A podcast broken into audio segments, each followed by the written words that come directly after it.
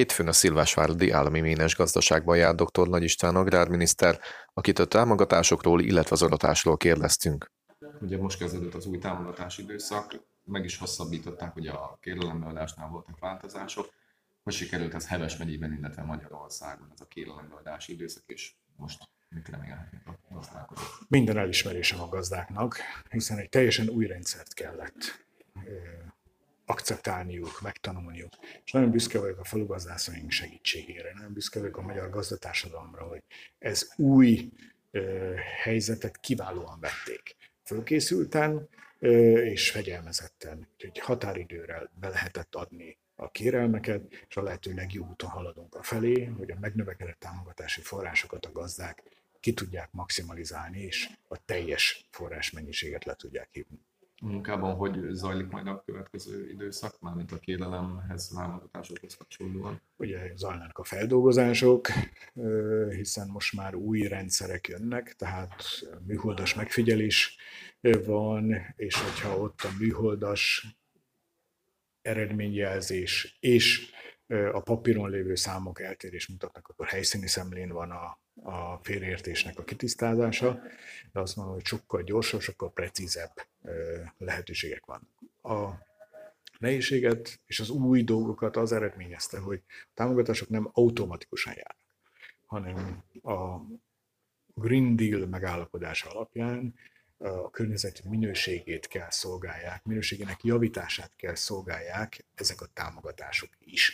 Ezért nem csak a parcella méretét ellenőrzik műholdas megfigyeléssel, hanem a művelési módot is, hiszen a támogatás nem úgy épül föl, mint korábban, hogy meg volt határozva egy hektára egy bizonyos összeg, hanem van most is egy ilyen alapösszeg, de erre alapökológiai alapprogramok, program elemek jönnek még, a művelési módtól függően változatos díjtétellel még a gazdák kiegészíthetik ezt az alaptámogatást. És hogy ez valóban így van-e, ezt ez a műholdas megfigyelő rendszerrel le is kontrollálják.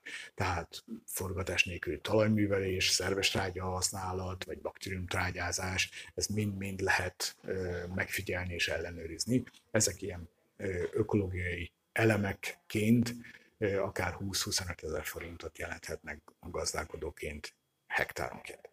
Fizetések lesznek-e idén ősszel is, ahogy szokott? Hát ez természetes, ez nem is lehet kérdés, hiszen Magyarország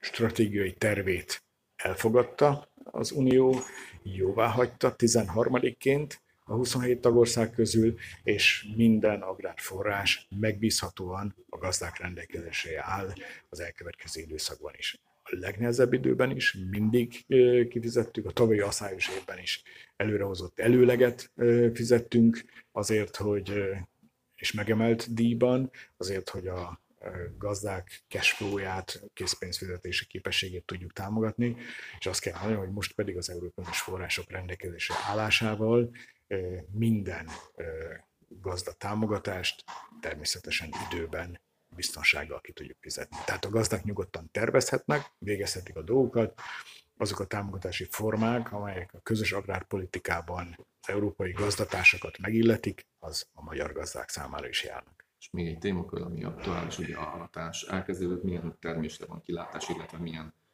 uh, környezeti dolgokra. Hála Istennek az idei esztendő azért jobb volt, mint a, a tavalyi, több csapadék esett, és egyelőre asszályról hála Istennek nem lehet beszámolni. Ugyanakkor nagy várakozások voltak, mint az árpa termesztésben, és ott alul maradt ez a várakozás, tehát nem lett akkora hektár átlag, mint amire számoltunk, mert a szemek teltsége nem volt akkora súlyú, de gyakorlatilag is azt kell mondjam, hogy egy jó termés van kilátásban, és jók a termés kilátások is, hiszen ha jövünk, azt látjuk, hogy az árpa már aratva, lassan a búzának és a repcének fognak neki a termelők, virágzik gyönyörűen a napraforgó, főleg itt már, és a kukorica is gyönyörű állapotot mutat, üdezöld szint mutat amely azt jelzi, hogy várjuk a címerhányást a kukoricánál is, egy jó termékenyülést, és akkor remélem, hogy mind a kukorica, mind a napraforgó termés is egy kiváló lesz. Árakban mire lehet számítani? Az ár, ugye ez a fejfájás ilyenkor, és nem is csak azért, mert bőtermés várható, és mondjuk az befolyásolja a piacot, hanem az ukrán, a szomszédunkban zajló ukrán háború miatt. Hiszen hiába nem érkezik Magyarországra a termés, viszont Magyarország is 2,5-3 millió tonna gabonát szokott exportálni Európa más részeibe.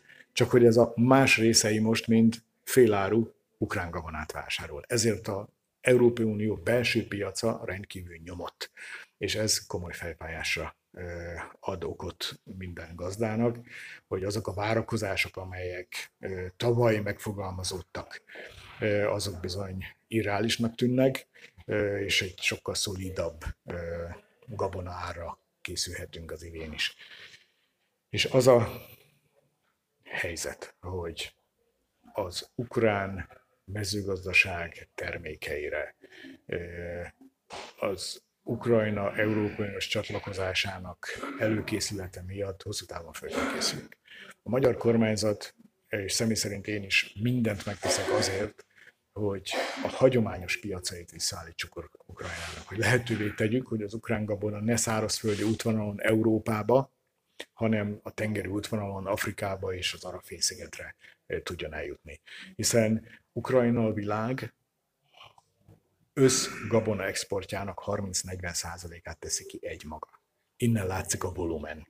És az, hogy ez most nem oda jut el, ahova eddig hanem a mi piacainkra, akkor érthető, hogy miért vágja agyon a piacot. És tehetünk bármit, azt nem szabhatjuk meg, hogy Németország, Franciaország, Olaszország kitől vesz gabonát. Ott ők úgy döntenek, hogy ők féláru ukránt akarják venni, akkor mi bármit tehetünk, nem tudunk odaértékesíteni. Minden értékesítési nehézségünk ebből, a nehéz, ebből az nézőpontból ered. Az ukránok piacaira lehet szállítani, vagy azok már drágálják a magyar? Ukrajnának mezőgazdasági terméséből annyi van, amennyi a világot el lehet belőle lerekeszteni, hiszen az összexport 30-40%-át ők bonyolítják. Tehát visszafelé az egy egészen más árkategória. Miből ered, hogy ők olcsóbbak? Abból ered, hogy van egy birtok struktúrájuk. 300-400 ezer hektáros egybefüggő táblák, latifundumok. Ott a 8 méteres Csernozium, ami a világ legjobb termőtalaja. Soroljam még? Ráadásul ezek a gazdaságok már amerikai, szaudarábiai, a legmodernebb automatizált technológiával főszereltek, azaz nagyon nagy mennyiségben nagyon olcsó önköltséget tudnak termelni. Ráadásul nem kötő őket a GMO-mentesség kérdése, nem kötő őket számos olyan európai növényvédőszer elő, előírás vagy növényvédőszer használat tiltás, mint ami, ami gazdáinkat pedig igen. Tehát ilyen eltérő termési struktúrából származó gabona, amelynek az önköltsége jóval alacsonyabb, mint az európai, ez nyomasztja és teszi teljesen tönkre Európa belső piacát úgy is, hogy hozzánk innentől egy szem be nem kerül belőle, de gyakorlatilag ahova mi is eladnánk, azt a piacot sújtja teljes mértékben. Nagyon szépen köszönöm.